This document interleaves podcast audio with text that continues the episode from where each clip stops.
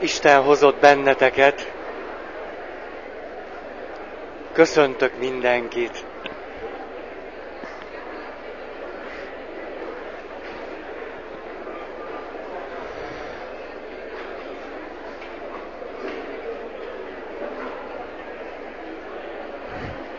Azt kérték tőlem múltkor, többen is, mert rossz helyzetbe kerültek azok, akik később érkeztek meg, de akiknek ugyanúgy örülünk, mint akinek sikerül ideérni pontosan, hogy majd, hogyha ott az ajtónál a késők elkezdenek megállni, akkor ti most pont ott vagytok, és ha, ha nem mentek tovább, akkor majd szóljatok azoknak, akik ott állnak, hogy menjenek valamerre el. Jó? Hogy azok, akik ott beszorulnak esetleg az ajtónál, azok ne, ne maradjanak ki, ha már eljöttek idáig.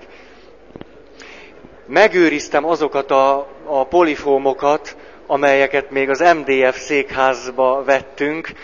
Lehet, hogy legközelebb elhoznom, és akkor lehet ide ücsörögni kényelmesebben, mint, mint hogy most vagytok. Jó, puha. Majd elhozom legközelebb, csak be kell tenni a kocsiba. Ott tartunk, és nem szeretnék most nagyon hosszú emlékeztetőt tartani.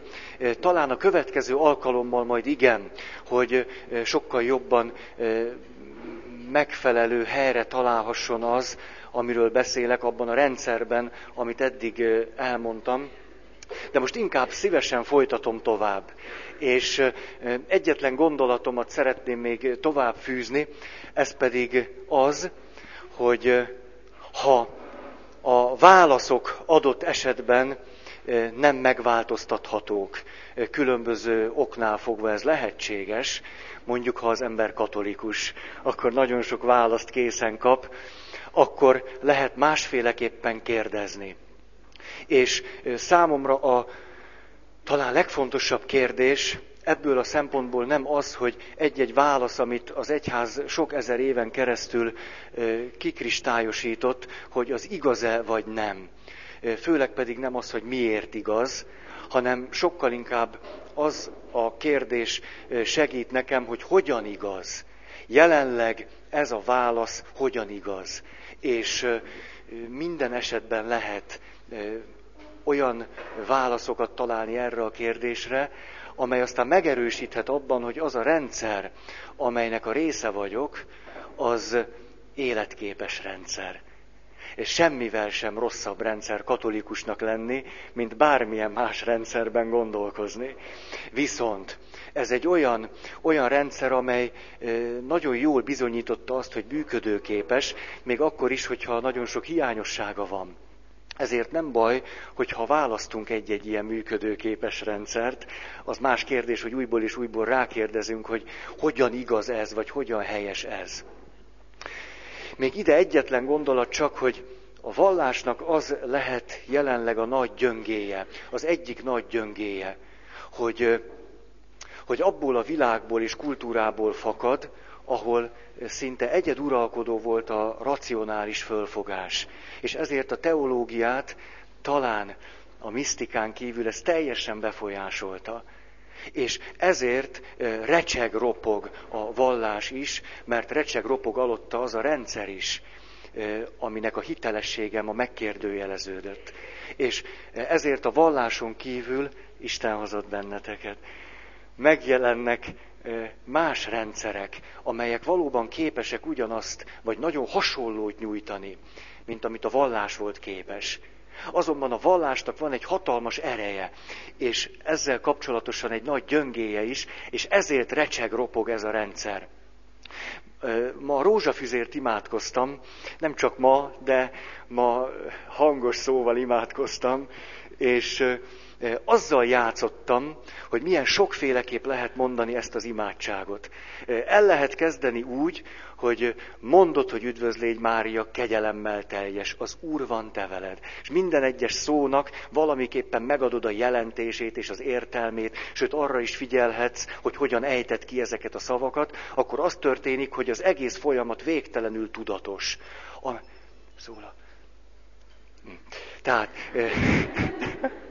ilyenkor a rendszer nagyon-nagyon tudatos. Ennek a gyöngéje az lehet, hogy elkezdesz bosszús lenni. Tehát, hogy jó, hát ezt már eddig is tudtam, de most már másodszor mondom, most akkor legalább álljunk meg, vagy gondolkodjunk el, vagy hogy van ez, miért van ez, igaz ez, vagy a többi. A másik gyöngéje lehet például ennek a rendszernek az, hogy nagyon lassan megy az idő végtelenül lassan, egy ilyen imádságot, amit állandóan, kizárólag tudatosan és racionálisan akarunk elvégezni, megteremti azt a légkört, hogy nagyon hamar elkezdjük unni, és dühösek leszünk. Van egy másik formája is, elég könnyű ide, ide eljutni, hogy ahogy mondod az imádságot, aközben már nem mondod tudatosan, a tudatosság csak arra, terjed ki, hogy éppen imádságot mondasz. Tehát az egyes szavaknak már nincsen jelentése igazából, nem is figyelsz az egyes szavakra, sem arra, hogy ejtett ki. A tudatosság egyetlen egy valamire összpontosul, tudatában vagy annak, hogy éppen a rózsafüzért imádkozod. És végül, ha egy teljes rózsafüzért elmondasz, akkor minden nehézség nélkül el lehet jutni arra a fokra, amikor már semmi sem tudatos. És amikor visszazökkensz ebből a tudattalan állapotból, akkor megdöbbensz, hogy eh, ahogy fogod a szemeket, hogy te jó ég, elmondtam öt üdvözlégy Máriát úgy, hogy fogalmam sincs, hogy mit csináltam. Egyetlen szóra sem emlékszem. És mindent pompásan végeztél el. Pontosan úgy artikuláltál és mondtad a szavakat, és akkor, ahogyan az kell. Miközben a tudatosság teljesen ki volt kapcsolva egy jó imádságnak biztos, hogy ez is jellemzője. Hogy képesek vagyunk úgy imádkozni, hogy egy olyan, olyan folyamatban vagyunk, amelyben egyáltalán nem kell tudatosnak lenni. És ekkor a tudattalanunk közvetlenül megkapja az instrukciókat. A vallásnak ez óriási ereje volt, és jelenleg egyre kevésbé ereje. Mert nagyon kritika alá vontuk ezeket a tudattalan folyamatokat azt mondtuk, hogy, hogy hát mi értelme van ennek, hogy ezt csak úgy mondjuk, mondjuk, mondjuk, inkább elmélkedjünk, és töprengjünk, és gondolkozzunk, és legyenek okos érveink, és a többi. És ennek az lett a következménye, hogy az eszünk nagyon, nagyon árnyalt lett. De pont ott, ahol a, legmarkánsabb változások történnek, és ahol a hitünk igazán tud működni, oda nem jutunk el.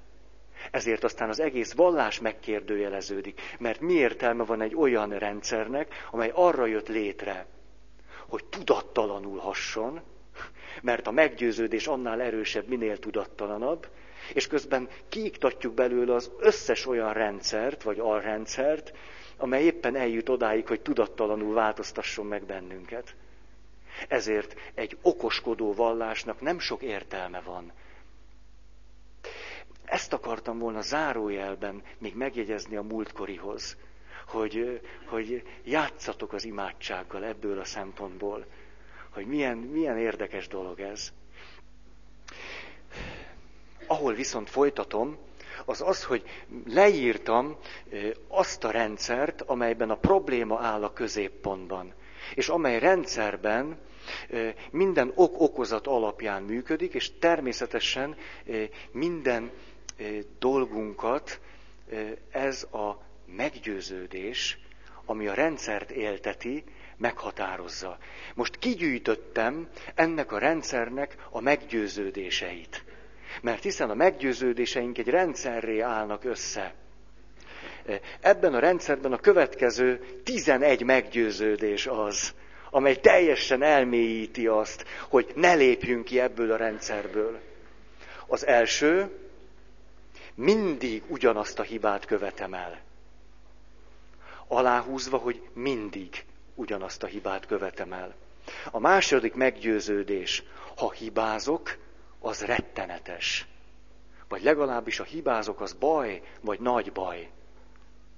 A harmadik, állandóan rosszul csinálok valamit, amiből fakadhat az, hogy rossz vagyok le, hogy az is lehet, hogy rossz vagyok, és ebből fakad az, hogy állandóan rosszul csinálok valamit. A negyedik, a külső okok teljesen meghatározzák a helyzetemet. Itt a hangsúly a külső okokon van. Az ötös, akármit csinálok, mindig ugyanaz történik. A hangsúly ott van, hogy akármit, és mindig ugyanaz történik. A hatos, emiatt nincs remény a változásra. Hangsúly, nincs remény. Ennek egy formája, nem tudok megváltozni. A következő, ha nincs remény a változásra, és nem tudok megváltozni, és mindig ugyanaz történik, akkor a jövőben is ugyanígy el fogom követni ezt a hibát. Sokkal egyszerűbben, fol, sokkal egyszerűbben szólva nem fog sikerülni. Úgy sem fog sikerülni. A következő, mi mást érezhetnék, mint? Mint dühöt. Tehát ha mindez így van velem, és mindig is így volt, és ezután is így lesz, és az egész teljesen reménytelen, akkor ugyan miért ne lennék dühös? Vagy miért ne lennék levert? Vagy miért ne lennék depressziós? Vagy miért ne lennék pessimista? És lehetne tovább mondani, mindenki válogathat adott helyzetben, vagy adott rendszerben azok között, az érzések vagy érzelmek között, amelyek legjellemzőbbek rá. Aztán, ahhoz, hogy valami jobb legyen, mindennek meg kéne változnia. Hangsúly, hogy mindennek meg kellene változnia. Vagy egy picit jobb meggyőződés, ahhoz, hogy valami is jobb legyen, valami külső körülménynek kellene megváltoznia. Különben nem lesz jobb a helyzet, vagy a helyzetem. A tízes, ha ez vagy az nem volna így, minden más lenne. Itt hangsúly azon van, hogy ha, ha, ha ez éppen nem volna így, akkor minden más lenne, és ehhez kapcsolódik az, hogy mert ennek a dolognak ez az oka, vagy az az oka. És végül ezen, azon, rajtam, rajtad már nem lehet segíteni. Ez már nem fog megváltozni, vagyis reménytelen talán egy picit unalmasan is azért soroltam föl ezt az egészet, mert fontosnak tartottam, hogy egy, egy teljesen ösztönös és tudattalan működésmódban föltárjuk azt, hogy milyen hihetetlen árnyalt rendszere működik a meggyőződéseinknek. És ezek a meggyőződések egymásra épültek, egymásból következnek és egymást erősítik. Persze, hogy szinte reménytelen kilépni egy ilyen rendszerből, mert nem csak egyetlen dologgal kell ö, valamiképpen a, a, a változást Na, inkább másképp mondom, mert olyan gondolat jutott eszembe, amit nem tartok helyesnek, hogy kimondjam. Szóval, hogy nem csak egy dolgot kell megváltoztatni ahhoz, hogy aztán tényleg könnyebben menjen a változás, hanem viszonylag sokat. Az más kérdés, hogy egy dolgon kell kezdeni.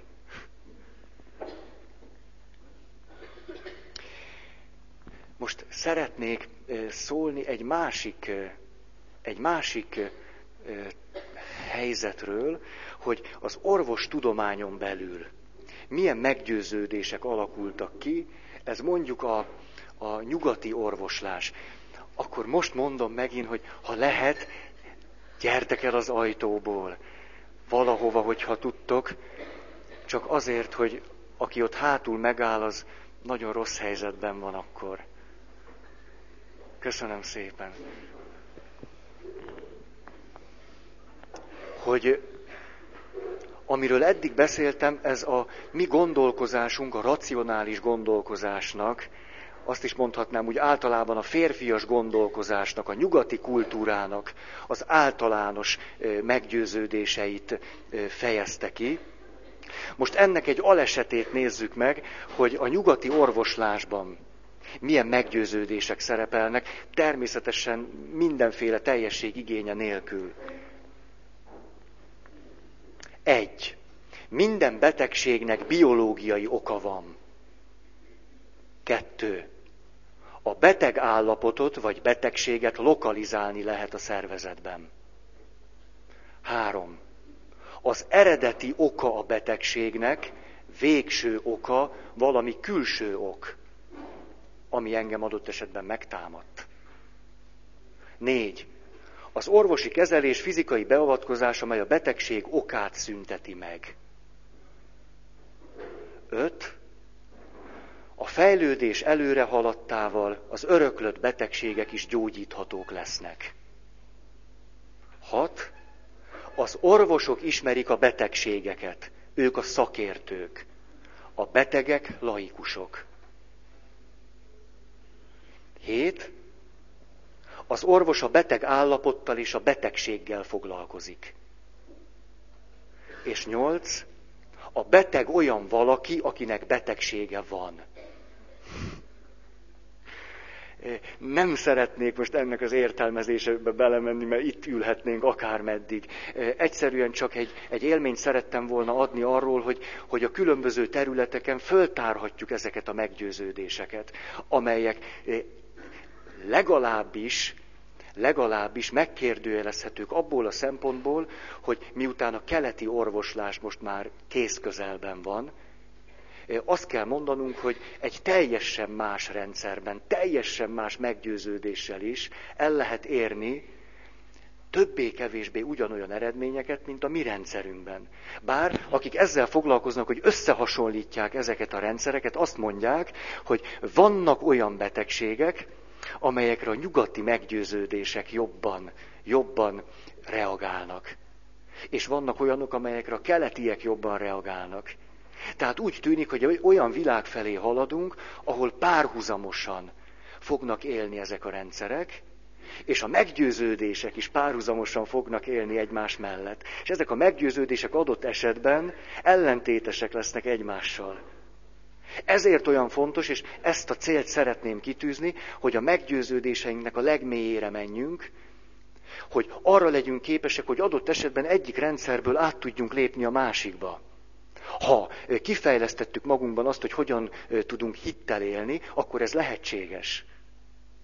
És hogyan tudjuk azt a hitet elmélyíteni, akármelyik rendszerben is vagyunk.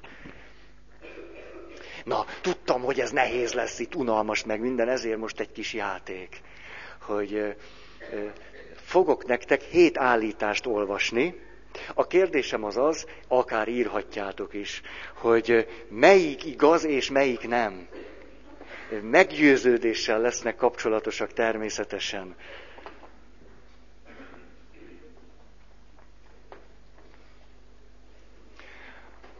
Az első Az amerikai felnőtt lakosság körében az infarktus legsúlyosabb rizikófaktora az elmérgesedett emberi kapcsolatokra jellemző ellenséges magatartás. Az infarktus legsúlyosabb rizikófaktora az ellenséges magatartás. Igaz vagy nem? Hiszed-e vagy nem? sokkal helyesebb kérdés ezt föltenni, ha csak valaki pontosan nem tudja, mert nyilván a meggyőződésedről van szó, nem arról, hogy tudod-e vagy nem. Kettő. Azt már okozhat az, ha valaki művirág közelében tartózkodik.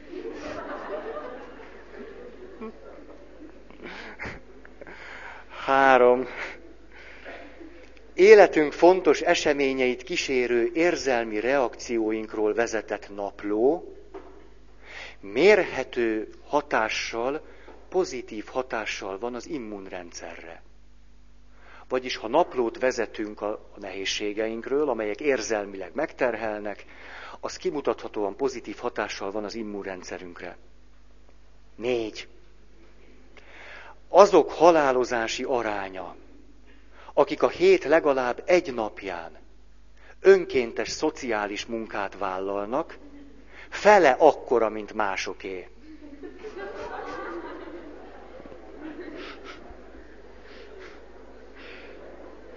Hat. Amikor akváriumban úszó trópusi halakat figyelünk, csökken a vérnyomásunk és lassul a szívverésünk.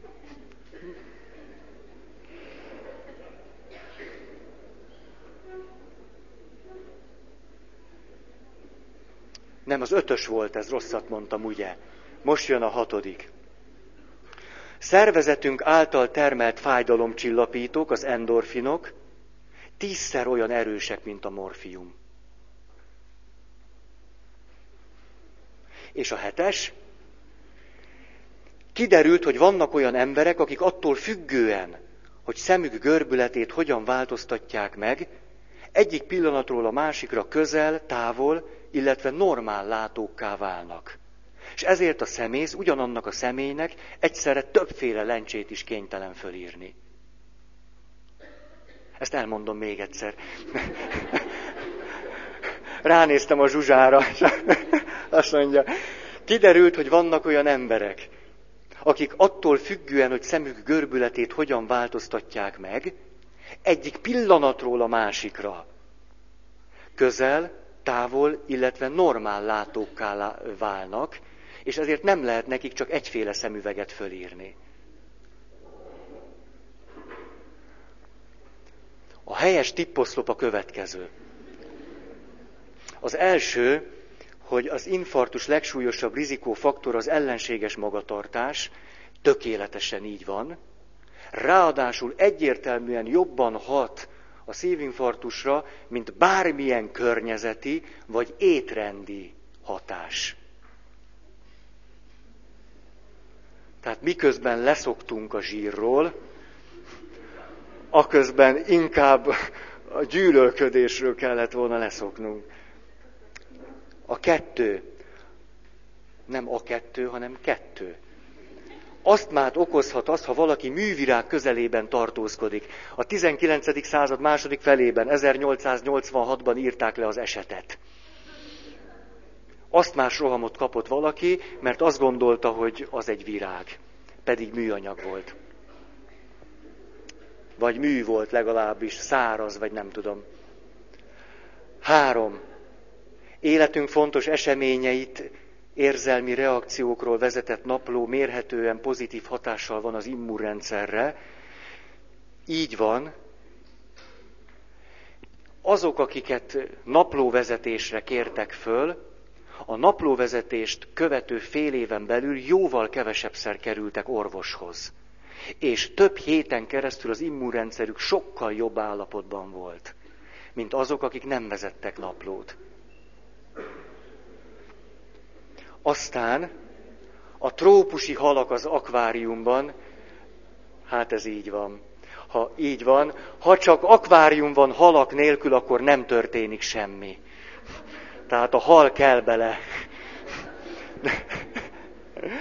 A növény nem föltétlenül szükséges, de hal kell. Szervezetünk által termelt fájdalomcsillapítók tízszer olyan erősek, mint a morfium. Ez hamis. Mert százszor. Százszor. Lehetnek százszor erősebbek is. És az utolsó Na ez a legérdekesebb, ez a szem dolog. Kiderült az, hogy ha valakinek tudathasadása van, skizofrén beteg, ha egy olyan valakit vizsgáltak, akinek, akiben három személyiség is élt, a három személyiséghez háromféle látás tartozhatott, és éppen amelyik személyiség uralta a tudatot, annak megfelelően volt a látás rövidlátó, távollátó vagy normális. Döbbenetes igazolása annak, hogy az érzékelés hogyan függ össze a tudatunk állapotával, a gondolatainkkal, meggyőződéseink és ezzel az egész rendszerrel. Ezért az illetőnek nem lehetett egyféle szemüveget fölírni, és mindig azt a szemüveget kellett fölvenni, amely személyiség éppen átvette az uralmat. Kihagytam egyet? Ja, úgy van, úgy van, két és félszer. Úgyhogy most mi volt a kérdés? Tehát, hogy, hogy ugye, hogy akik szociális munkát végeznek heti legalább egy nap, hogy azok, azoknak az egészsége jobb, a halálozási arányuk két és félszer jobb, mint azoknak, akik nem végeznek szociális munkát megéri.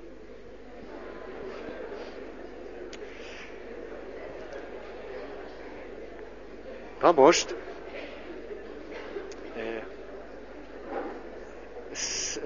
olyan, olyan ö, Ezt, ezeket, a, ezeket a példákat azért tartottam izgalmasnak, mert, mert sokkal árnyaltabban közelítenek meg kérdéseket, olyan szempontokat hoznak be, amelyeket általában vagy adott esetben nem hozunk összefüggésbe az adott rendszerrel.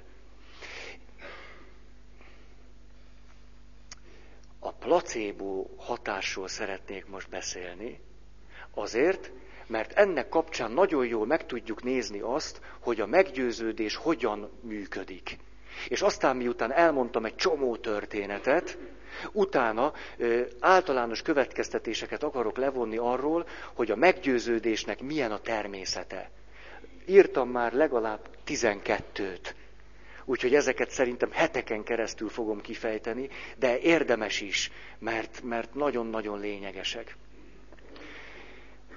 Jöjjenek akkor ezek a történetek, de előtte Voltert idéztem nektek az egészséggel kapcsolatban. A gyógyítás művészete abban áll, hogy amíg a természet meggyógyítja a beteget, elszórakoztatjuk a beteget. Mark Twain a következőt mondta, most csak gondoljunk a fájdalomcsillapításra, amelyet ha képesek vagyunk magunkban aktiválni, akkor elég jó helyzetbe kerülünk. Isten gyógyít, az orvos a számlát küldi. És akkor nézzük, nézzük ezeket. 1995-ben azt vizsgálták, hogy a szívinfarktus hogyan függ össze azzal a gondolkozásmóddal, amelynek a meggyőződéséről a mai találkozásunk legelején beszéltem. Vagyis, hogy, hogy ok-okozat, ok-okozat, egy zárt rendszer, probléma központú gondolkozás. Kiderült az, hogy a szívinfarktuson átesett betegeknek 80%-a ebben a rendszerben gondolkozik. Teljesen egyértelmű megfelelés a kettő között. Ez 1995. Fő jellemzője ennek a rendszernek, hogy az okon nem tudok változtatni. Tehát belátja a beteg, hogy az vezetett, az volt az oka annak, hogy ő szívinfarktus kapott, hogy, hogy, hogy, hogy, hogy, de az a meggyőződése erről, hogy ő ezen nem tud változtatni mert neki ennyit és ennyit kell dolgozni, mert ő szereti a zsíros kenyeret, mert ő nem tud elmenni sportolni, mert arra nincsen energiája, és a többi. És minden, amin változtatni kéne, ahhozon ő nem tud változtatni. 1985-ben kimutatták azt, hogy a placebóknak a hatása, tudjátok, most nagyon egyszerűen csak mondjuk olyan orvosságok, amelyekben semmiféle hatóanyag nincs. Most nagyon egyszerűen mondtam, vagy legalábbis nem arra hat, amire adják. Adott esetben közömbös. 55%-os hatást fokot, hatásfokkal működtek a morfiumhoz képest. Vagyis minden második beteg, akinek nem morfiumot adtak, ugyanazt az élményt élte át, mintha kapott volna morfiumot. A depressziós betegek esetében a hatásfok 59%-os volt. Ezek olyan, olyan kísérletek, amelyekben a betegnek nem mondták meg, hogy mit kap, hanem azt mondták, hogy morfiumot kap. 1965-ben csavartak ezen az egészen egyet.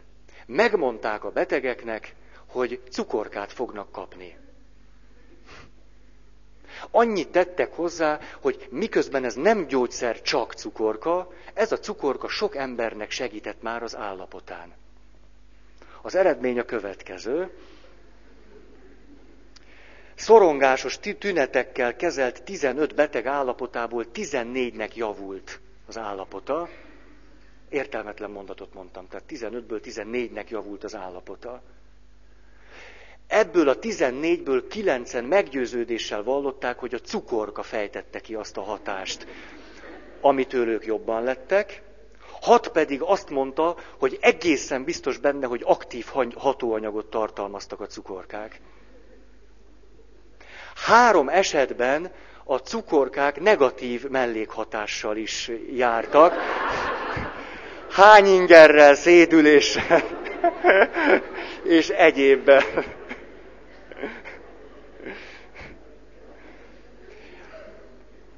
Most még egy csavarás. Eddig úgy tűnt, hogy itt egyszerűen csak, csak valami közömbös dolog az, ami adott esetben mutatja, hogy a hit hogyan hat és hogyan nem. Műtéteket is hajtottak végre, placebo műtéteket. Ezt mindjárt mondom, Márti Aranyos, hogy hogy, hogy csinálták meg, mondom. Akkor tették ezeket meg, amikor még etika nem létezett ezzel kapcsolatban, illetve hát létezett, csak szabályozás nem létezett, ma már ilyen kísérleteket nem lehetne végrehajtani. 1959-ben csinálták azt meg, hogy 17 beteget, akiknek szívvel kapcsolatos problémája volt, nem értek hozzá, tehát csak tehát azért beszélek róla, hogy, hogy valamelyik szívbe menő fő eret elzártak, mert az orvos tudomány akkori állása szerint az volt ennek a várható hatása, hogy a negatív tünetek meg fognak szűnni. Nyilván ehhez jól föl kellett trancsírozni az illetőt. 17-en voltak, 8 beteget műtöttek, 9-et nem. Csak hogy mind a 17-tel végigcsinálták az egészet. Mégpedig úgy, hogy azt mondták nekik, hogy műtétre mennek, nem árulták el, hogy ez egy kísérlet, bevitték őket, föl is vágták őket, fölvágták őket, az orvos sem tudta, hogy melyik beteget kell megműteni, és melyiket nem. Miután ott állt, hogy, hogy mehet tovább, akkor 17 boríték, kibontott egyet, azon volt rajta az utasítás, hogy műthet vagy nem. Ha az volt, hogy műthet, elzárták az eret. Ha az volt, hogy nem műthet, akkor egyszerűen csak összevarták és ment ki, és természetesen mindenkinek azt mondták, hogy a műtét sikeres volt. A hatás a következő.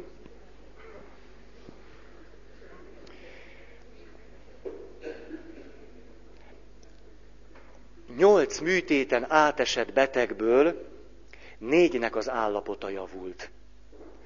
Kilencből, akiket nem műtöttek meg, ötnek az állapota lett jobb.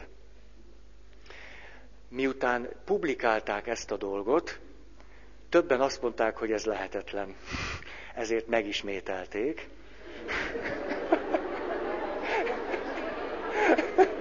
Ez... Majd szép álmokat kívánok nektek. Remélem jó éjszakátok lesz. Bármi megtörténhet. Szóval 13 beteggel játszották el ugyanezt a kísérletet.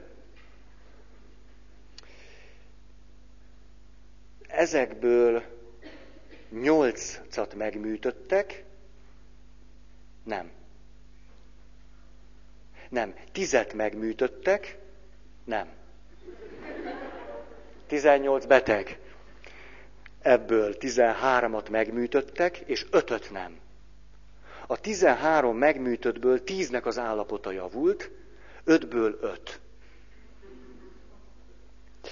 Dániában tovább kísérleteztek ezzel. Ott füllel kapcsolatos operációt végeztek el. Itt az arány pontosan ugyanaz lett.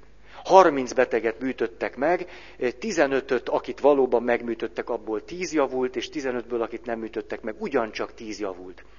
És most jön a slusszpoén, eltelt néhány évtized, és az orvostudomány túlhaladta addigi álláspontját, és kiderült, hogy ez a műtét egyáltalán nem gyógyítja meg azt a betegséget, amire kitalálták. Vagyis az összes megműtött beteg is attól gyógyult meg, hogy azt gondolta, hogy az állapota ettől a műtéttől javulni fog. Itt most egy érdekes kérdés, vagy kérdőjel lehet bennünk, hogy mi van ezekkel a nyomorultakkal, akiken semmi sem segít. Tehát sem műtét, se nem műtét, se semmi, erre majd ki fogok térni. hogy miből adódik az, hogy valakinek semmi sem használ.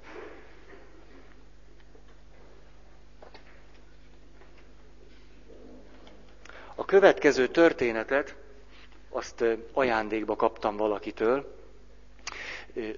Idősebb testvérek lehet, hogy emlékeznek erre, hogy amikor még volt a vasfüggöny, akkor két fiatalember arra vállalkozott, hogy átmennek a túloldalra.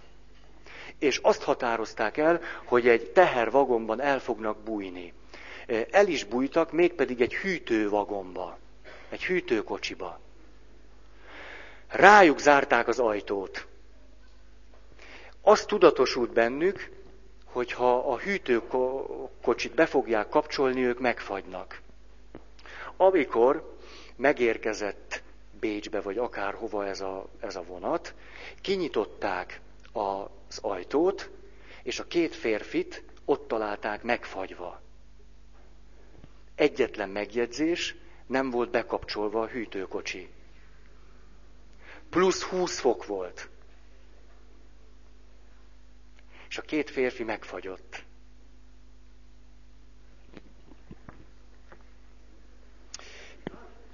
Ez...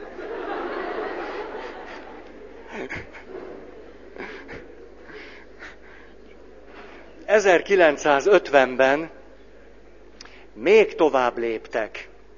Azzal szórakoztak, hogy ha valaki hányingeres panaszokkal megy az orvoshoz, és neki olyan gyógyszert adnak, ami erősíti a hányingeret, hánytató gyógyszert, akkor mi történik?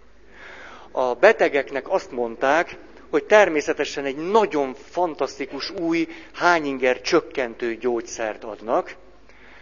Kiderült az, hogy a betegeknek bizonyos százaléka meggyógyult, megszűntek a hányingeres panaszai, miközben a gyógyszer pont az ellenkező biológiai hatást váltotta ki. Váltotta volna ki, ha nem gondolta volna azt, hogy nem azt kapja, amit. 1957-ben leírtak egy egész drámát. Egy ö, nyirokrendszer rákban szenvedő betegről van szó, aki ről az orvosok azt mondták, hogy hát nem sok ideje van már hátra, az állapota egészen válságos volt. A kezelő orvosa azt mondta neki, teljesen jóhiszeműen, hogy kijött most egy új gyógyszer. Még kísérleti stádiumban van, de ha vállalja, akkor odaadják neki, a kísérletek nagyon bíztatóak. A betegnek fölcsillant a szeme, elkezdte szedni ezt a gyógyszert, néhány hét alatt kikerült a kórházból, két hónap múlva repülőgépet tudott vezetni. Ekkor robbant a bomba, ugyanis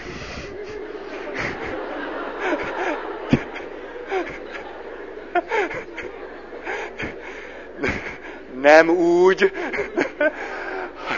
hanem, hanem csak úgy, hogy közzé tették, hogy ez a gyógyszer most már miután betegeknek is beadták, nem hatékony.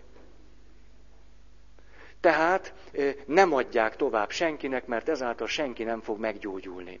Az illető, akinek szinte tökéletes volt már a fizikai állapota, néhány nap múlva megint annyira rosszul lett, hogy bekerült a kórházba. Újabb poén, ezért mondom, hogy dráma. Az orvos, aki látta, hogy a betegének ilyen döbbenetes a hite, illetve hogy a hitén keresztül ilyen fantasztikus változás állt nála elő, a következőt mondta neki. Igen, igaz, hogy ez jelent meg az orvosi szaklapban, igen ám, csak hogy ezek a gyógyszerekről, amelyek bimboltak a tesztelés során, kiderült, hogy rosszul tárolták őket. És most újabb kísérlet folytatódik, amely most ténylegesen hivatott azt eldönteni, hogy jó-e vagy nem, és úgy tűnik, hogy jó, mert hiszen már bizonyított ez a gyógyszer, csak éppen a rosszul tárolt gyógyszerekről derült az ki, hogy nem hatnak helyesen. A beteg egy hét múlva elhagyta a kórházat, addig élt vígan, ameddig robbant a bomba, és végérvényesen is közzétették, hogy ez az orvosság semmiféle gyógyító hatással nem rendelkezik.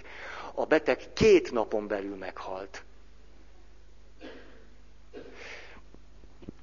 Mondhatjuk most erre azt, hogy ezek egészen szélsőséges esetek, ezekre a, néhány százalékot kitevő emberekre érvényesek, ránk azonban nem. Igen, van különbség a meggyőződésünk hatásfoka és ereje és működése között, erről majd sokat akarok beszélni. De hogy ez működhet így, és ezek az adatok azt mutatják, hogy 50-60-70 százalékos, legrosszabb esetben is 50 százalékos hatásfok, szinte akármit csinálunk, az bekövetkezik. Volnak, vagy vannak olyan orvosok, akik egyszerűen ma már azt állítják, hogy az általunk szedett orvosságoknak, köszönöm, általunk szedett orvosságoknak háromnegyed része vagy különösképpen nem hat, vagy elsősorban a meggyőződés által hat. Tesztelték ezt a kérdést úgy, hogy megnézték azt, hogy ugyanolyan hatóanyagú gyógyszereket adtak más névvel. Azt mondták rá, hogy ez egy új gyógyszer, sokkal jobb, mint az előző. A hatások mindig sokkal jobb volt akkor, amikor a beteg azt tudta, hogy ez egy új gyógyszer, amely sokkal jobb, mint az előző. Vannak köztünk gyógyszerészek is. Óvatosan beszélek, de még, még egyszer se jött Kamilla oda hozzám, hogy hülyeségeket beszéltem. Ma már, ma már azt is beszámítják, hogy milyen színű, milyen méretű és milyen alakú orvosságot kell adni egy betegnek ahhoz, hogy az ő meggyőződése a leghatékonyabban működjön arra az adott betegségre. Mondom, hogy hogy, hogy, hogy nézzetek körül. Ha kék gyógyszert kaptok, legnagyobb az esélye, hogy nyugtató illetve eh, ha helyesen színezik azt a gyógyszert, a nyugtatót kékre kell színezni. Legalábbis szürkére. Azután, ha élinkítő gyógyszert adnak, legjobb, ha rózsaszín. A keserűbb gyógyszerek hatékonyabbnak tűnnek, mint az édesek. Tehát ha azt akarják mondani, hogy ez egy nagyon erős gyógyszer, az keserű kell, hogy legyen. Ha édes, nem hiszed el. Édes, hát ez, akkor Milka csoki. A nagyobb orvosság hatékonyabb, mint a kisebb. Lásd az összes vitamin, amit én képtelen vagyok egybe lenyelni. Aztán a kapszula hatékonyabb a tablettánál. Az injekció hatékonyabb a kapszulánál. Nem minden bogár, ne, nem minden rovar bogár, azt mondja, a narancssárga gyógyszerek a hangulatot javítják. Hare Krishna. Ha fekete, lila, feketés lila gyógyszert kapsz, könnyen lesznek halucinációid. Na, ez akart volna a, a jelenségnek a, a, a föltárása vagy fölvázolása lenni.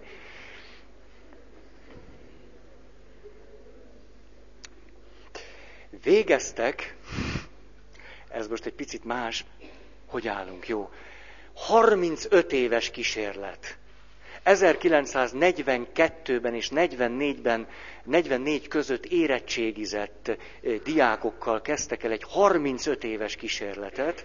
A végső eredményeket 1991-ben publikálták. Azt nézték meg, nagyon egyszerű kérdéssorral, hogy a, ki az, aki optimistán gondolkozik, és ki az, aki pessimistán. És utána végig kísérték 99 ez alatt a három év alatt érettségizett férfinek az életét. 25 éves korban egyértelmű volt már az, hogy kinek milyen a gondolkozás módja. 40 éves korra meg lehetett határozni szignifikánsan, hogy a gondolkozásmód az egészségi állapottal milyen összefüggésben van, nyilván gondolhatjuk, hogy milyen. 40 és 45 éves kor között a romlása, az egészségi állapot romlása a pessimista betegek, vagy hát kliensek, vagy tesztalanyok között ugrásszerűvé vált, 40 és 45 éves kor között, és a szignifikáns eredmény erőteljesebb volt, mint amit ki tudtak mutatni a dohányzás és a tüdőrák között. Érthetően mondtam. Tehát egyértelmű volt az optimista beállítódás hatás az egészségre, mint a dohányzás hatása a tüdőrákra.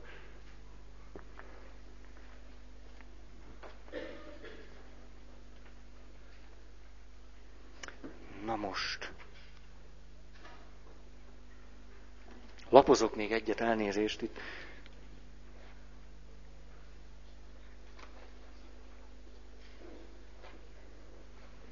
Oké.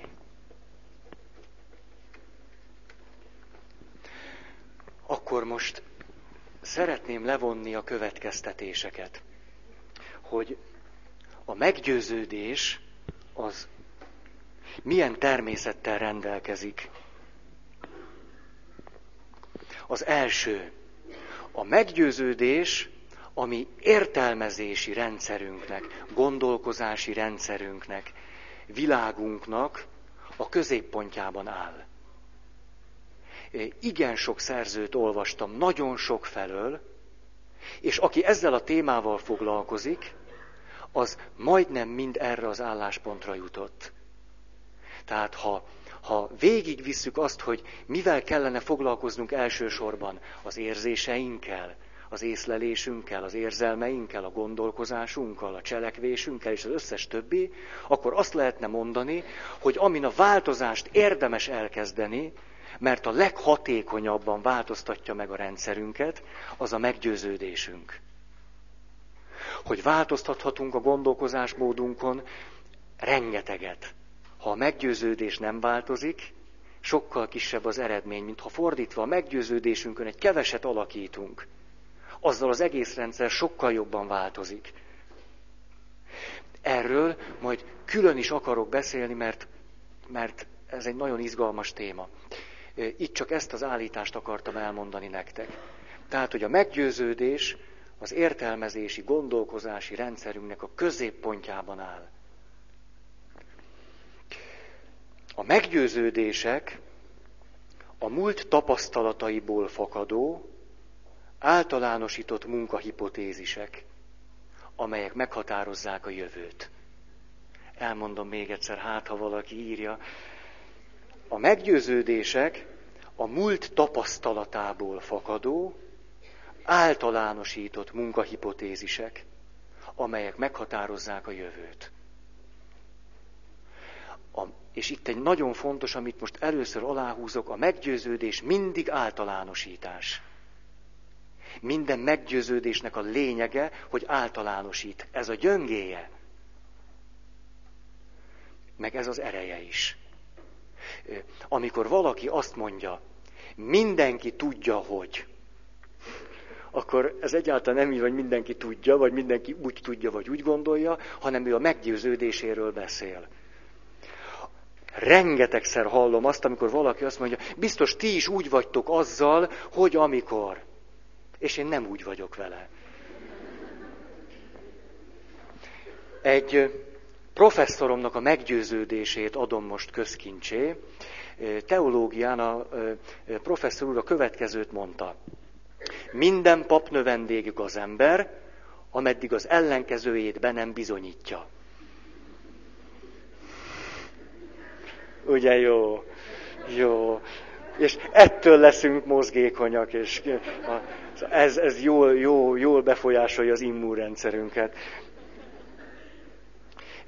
A meggyőződések nyilvánvalóan ezekben a szavakban fejeződnek ki, ha már kifejeződnek, hogy mindig, soha. És lehet folytatni ezt. Ez roppant fontos, hogy a meggyőződés mindig általánosítást jelent. Ha az általánosítás nagyon primitív, mondjuk egyetlen múltbéli tapasztalatból fakad, akkor annyi nekünk. Lehetne játszani azzal, hogy nagyon sok ember egyetlen egy élményből képes nem csak, nem csak egy gondolkodás módot kialakítani valamivel kapcsolatban, hanem azt meggyőződésé is erősíti, mert akkor nyilván sokkal könnyebben fog tájékozódni a világban. Ha valami egyszer bejött neked, attól kezdve nagyon nehéz lesz téged meggyőzni, hogy azt másképp csináld. És lehet, hogy egyszer bejött, majd tízszer nem,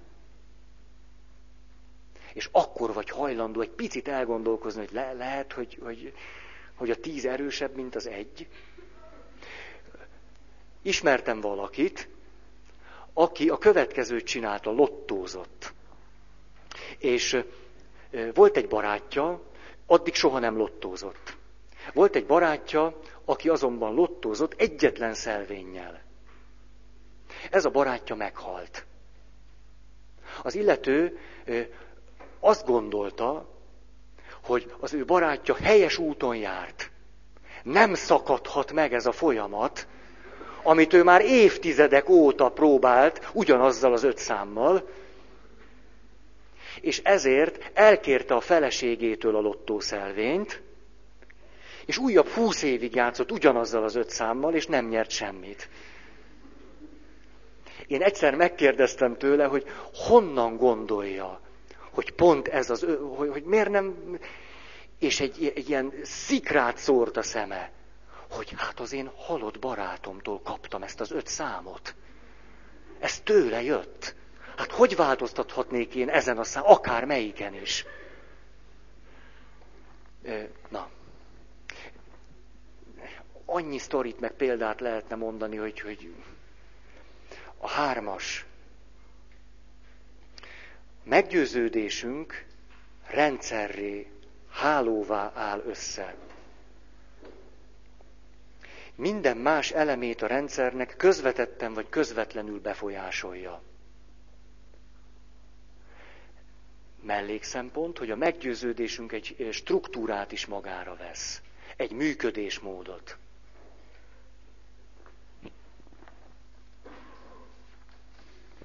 Ez azért lényeges, mert ahogy beszéltünk arról, hogy biológiai állapotunk, érzékelés, érzés, érzelem, stb. stb. A meggyőződésünk mindegyikre közvetlen vagy közvetett hatást fog gyakorolni. Mindegyikre. A négyes. És itt akkor majd egy kicsit lassítok.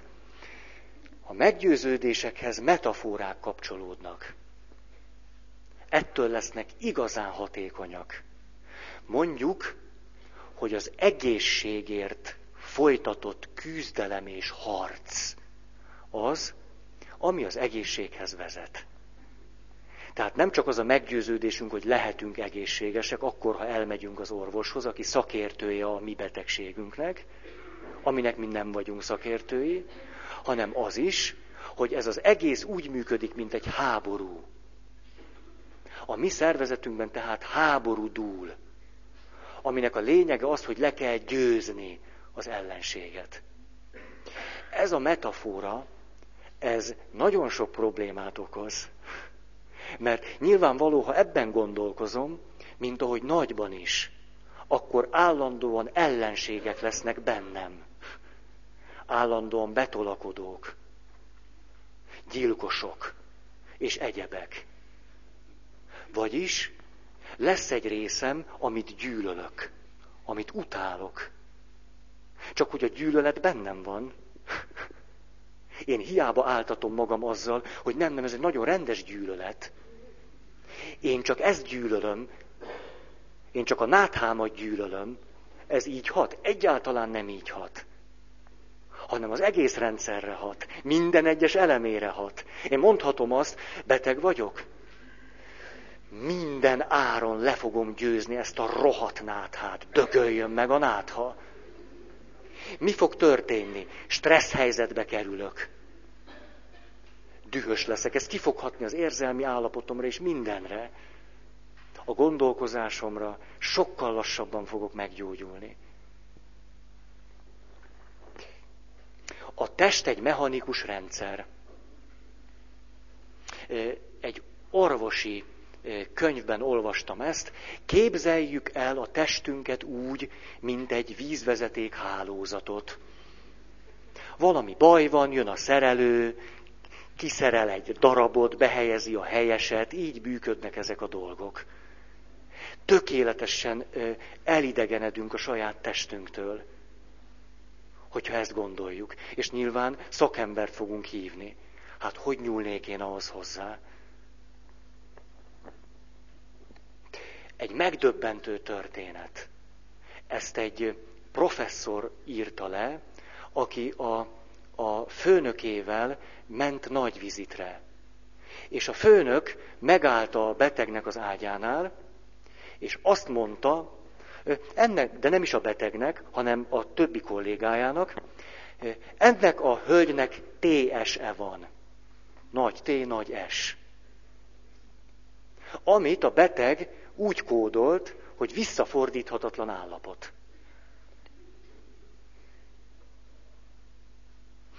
A kezelő orvos oda ment a beteg ágyához, onnan derült ez ki a vizit után, a beteg hihetetlen rossz lelki állapotba került, és azt mondta, hogy hát most mondta a, a ki az osztályvezető főorvos, hogy nekem TSM van.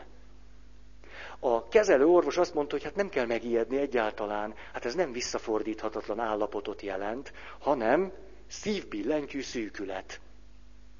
A beteg azonban ezt nem hitte el, mert minél nagyobb a fehér köppeny, annál inkább hiszünk abban, hogy ő neki van igaza, és még aznap este meghalt.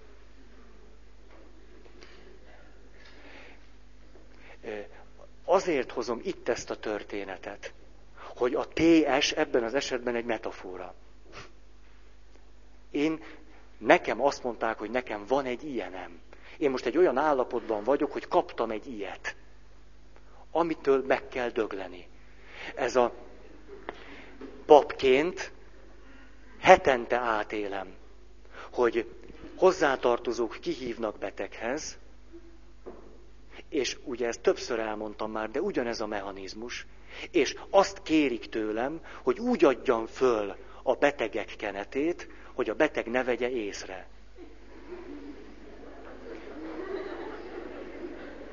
Azért, nagyon egyszerű, mert ők nem azt mondják, hogy TS, visszafordíthatatlan állapot, de ugyanígy működik, hanem azt mondják, utolsó kenet. Tehát annak az egész eseménysornak, ami történik, a neve, hogy utolsó kenet. Szívesen látnátok? Én sem magamat, ha ezt gondolnám az utolsó kenet azért lett utolsó kenet, mert az ősegyházban mondjuk 1500 évvel ezelőtt, az már nem ősegyház, mondjuk 1500, 1600, 1400 évvel ezelőtt olyan szigorú volt a bűnbánati fegyelem, hogy nagyon sokan csak a halálos ágyukon voltak hajlandók megkeresztelkedni. Például Nagy Konstantin császár is. Azt mondta, hogy nem, nem, nem, nem, nem, olyan követelményekkel jár, hogy dehogy, dehogy, dehogy a bűnbánat tartáshoz és a feloldozáshoz nagyon szigorú penitenciát fűztek. Na most, a betegek kenetét akkor lehetett csak fölvenni, ha az illető meggyónt. Vagyis egy beteg ember majd hülye lett volna vállalni azt az eszméletlen, szigorú rendszert betegen, amit a föloldozásért cserébe kellett volna vállalnia. Ezért nem hívták a papot a betegek kenetét föladni, mint ahogy évszázadokon keresztül az első néhány száz évben hívták. Sőt, egymást is megkenték a keresztények. Mert hiszen abból indultak ki, hogy Jézus a beteget gyógyítja. Nem pedig utolsó kenettel küldi őt a koporsóba. Ezért aztán szép lassan a betegek kenetét nem a betegeknek adták föl, hanem a haldoklóknak, akiket föl is oldoztak, és azt gondolták, hogy ennek már adhatunk akármilyen penitenciát, úgyse bírja elvégezni. Tehát mindegy. Így a betegek szentségéből utolsó kenet lett. És ma ennek a hatásait nyögjük. És ezért van az, hogy ma az egyház, ma évtizedek óta mondjuk, hogy nem utolsó kenet, tetszik tudni? Nem, nem, nem, nem. Betegek szentsége. Mire kimész, és azt mondja, megjött az atya, hozta az utolsó kenetet, de nem kell megijedni. Gondolhatjátok. Ez éppen a múlt héten is megtörtént velem. Akkor a következő egy rákos beteghez hívtak ki, ketten elkísértek engem, Ar- arra kértek engem, hogy amikor elérkezünk a beteghez, mondjuk egyrészt nehogy vigyek olajat, tehát se, olajat ne. De hát már az is ciki, hogy pap vagyok, tehát mondjuk a betegnek azt, hogy én most nem papként jöttem, hanem én vezettem az autót. Ez. Megegyeztem a másik két felnőtt, diplomás, férfi, nő, fiatal, öreg, valakivel, és a következő játszódott le. Odaérkeztünk az ágyhoz, és a következőt mondja, ez volt az első mondata valamelyiküknek. Az atya volt a sofőr, nem kell félreérteni.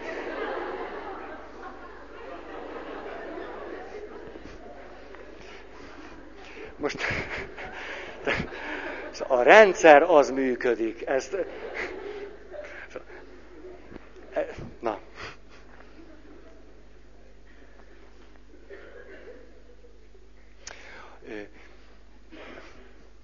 a, az, a, az a szimbólum, vagy metafora, vagy jelkép, ami jellemző, vagy kifejezi a meggyőződésünket, vagy ezt a rendszert, ezt a meggyőződéses rendszert, az alapvetően meghatározza a cselekvésmódot is. Tehát nem önmagában a meggyőződés hat ránk csak, hanem az a kép, amit a meggyőződésből alakítottunk magunknak. Tehát mondjuk a háborúnak a képe. Ezért azt ajánlják, akik ezzel foglalkoznak, hogy vegyük szemügyre azt, hogy azokhoz a dolgokhoz, amelyek számunkra negatív hatást gyakorolnak, azokhoz milyen képek társulnak. Csukjuk be a szemünket, és képzeljük el, hogy mi jelenik meg előttem akkor, amikor azt gondolom, hogy beteg vagyok. Mit képzelek? Most becsuktam a szemem, és a következő kép jelent meg előttem. Kukacok jönnek rám. Ez egy kép. Nyilván most, ha, ha én nekem eszembe jut ez, hogy jaj, csak beteg ne legyek, rögtön eszembe jutnak a kukacok, a halál.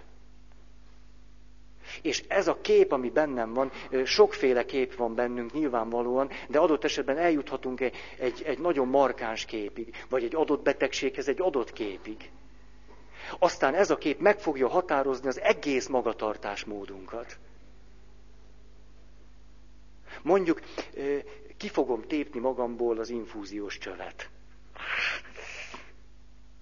Ne érjen hozzám senki. És lehetne ezt, érdemes ezzel nagyon-nagyon foglalkozni. Mert ezeket a képeket átalakíthatjuk. Átalakíthatjuk egy olyan képé, ami nekünk a lehető legjobban megfelel. Mondjuk az egészségről, ha azt a képet alkotjuk, hogy fekszünk az ágyban és nem csinálunk semmit, semmi rossz nem ér bennünket, így vagyunk egészségesek ez az egész magatartásmódunkat befolyásolja. De hogyha én nekem az egészségről az jut eszembe, hogy kocogok. Hát persze, hogy kocogni fogok. Vagy kimegyek a friss levegőre, és egy mélyet szippantok, és ben vagy a városban, akkor mit csinálsz?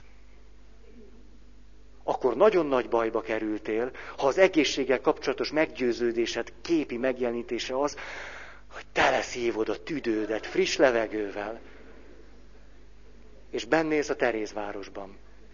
Kösz szépen!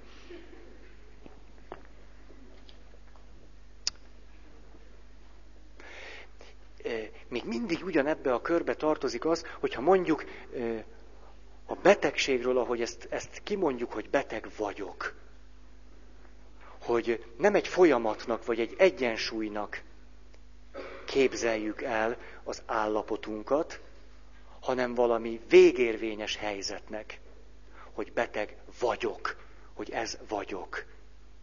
Tehát már nincs különbség köztem meg a betegség között, sem, semmi mással nem vagyok jellemezhető, mint azzal, hogy beteg vagyok. Önmagában az, ahogy erre gondolok, ahogy ezt a nyelvünk kifejezi, már meghatározza a fizikai állapotunkhoz való viszonyunkat. Ugyanígy, ha azt mondjuk, egészséges vagyok. Lehet, hogy ez a mi nagy bajunk. Például, ahogy mondják, hogy, hogy állandóan végzik a, a, mi az ilyen kérdőíveken a, a közvéleménykutatást, hogy a magyar ember nagyon előre teszi az egészséget az érték sorrendjében. Csak hogy, amikor azt kérdezik meg ugyanezektől az emberektől, hogy mit tesznek az egészségükért, akkor kiderül, hogy az egészség nagyon-nagyon alul van. Lehet, hogy azért, mert azt gondoljuk, hogy mi egészségesek vagyunk. Hogy ez egy állapot. És hogyha egészséges vagyok, akkor egy valamit teszek, hihetetlen örülök neki. Fú, de mázlim van, semmi bajom nincs. És ha már ezt mondtam, hogy de jó, az egészség, ugye, hogy megint csak tiltakoznak ez ellen, az egészség nem a betegség hiánya. Ha valakiben az a kép él, hogy az egészség egyenlő nem vagyok beteg, már is állandóan a betegség szót hangsúlyozza magának. De jó, hogy nem vagyok beteg. Hetek óta nem vagyok beteg. Már napok óta nem vagyok beteg. Beteg, beteg, beteg. Keleten egészen másképp gondolkoznak erről. Az egészség sokkal inkább egy egyensúlyi állapot.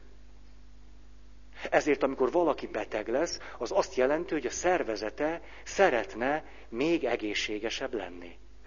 Még inkább egyensúlyi állapotba kerülni, és ahhoz, hogy én még egészségesebb legyek, ahhoz szükségem van a betegségre. Vagyis a betegség jó. A betegség hasznomra van, hogy elérhessek a jelenlegi helyzetemhez illő egészségi állapotot, egyensúlyi helyzetet. Ezért a betegség nem rossz, ami ellen küzdök, hanem a betegség valami olyasmi, amin átmegyek. Azért, hogy a következő pillanatban egészséges lehessek. Azt tudjátok, hogy Tibetben vagy Nepálban, ezt nem tudom, hogy évszázadokon keresztül az orvost azért fizették, ha a kliense egészséges volt. Minden héten vagy hónapon megkapta a pénzét, addig, ameddig a kliens egészséges volt. Ha megbetegedett, az orvosra azt mondták, rossz orvos, nem kapott pénzt. Itt kiderül, hogy az egész rendszer, amiben az egészségről és betegségről gondolkodunk, tulajdonképpen visszájára van fordítva. Mert az orvos abban érdekelt, hogy te beteg legyél. Ez akármilyen csúnyán is hangzik. Hát akkor fog megélni, hogyha téged gyógyíthat. Ha nem lesz egyetlen beteg ember sem, akkor ő mehet haza.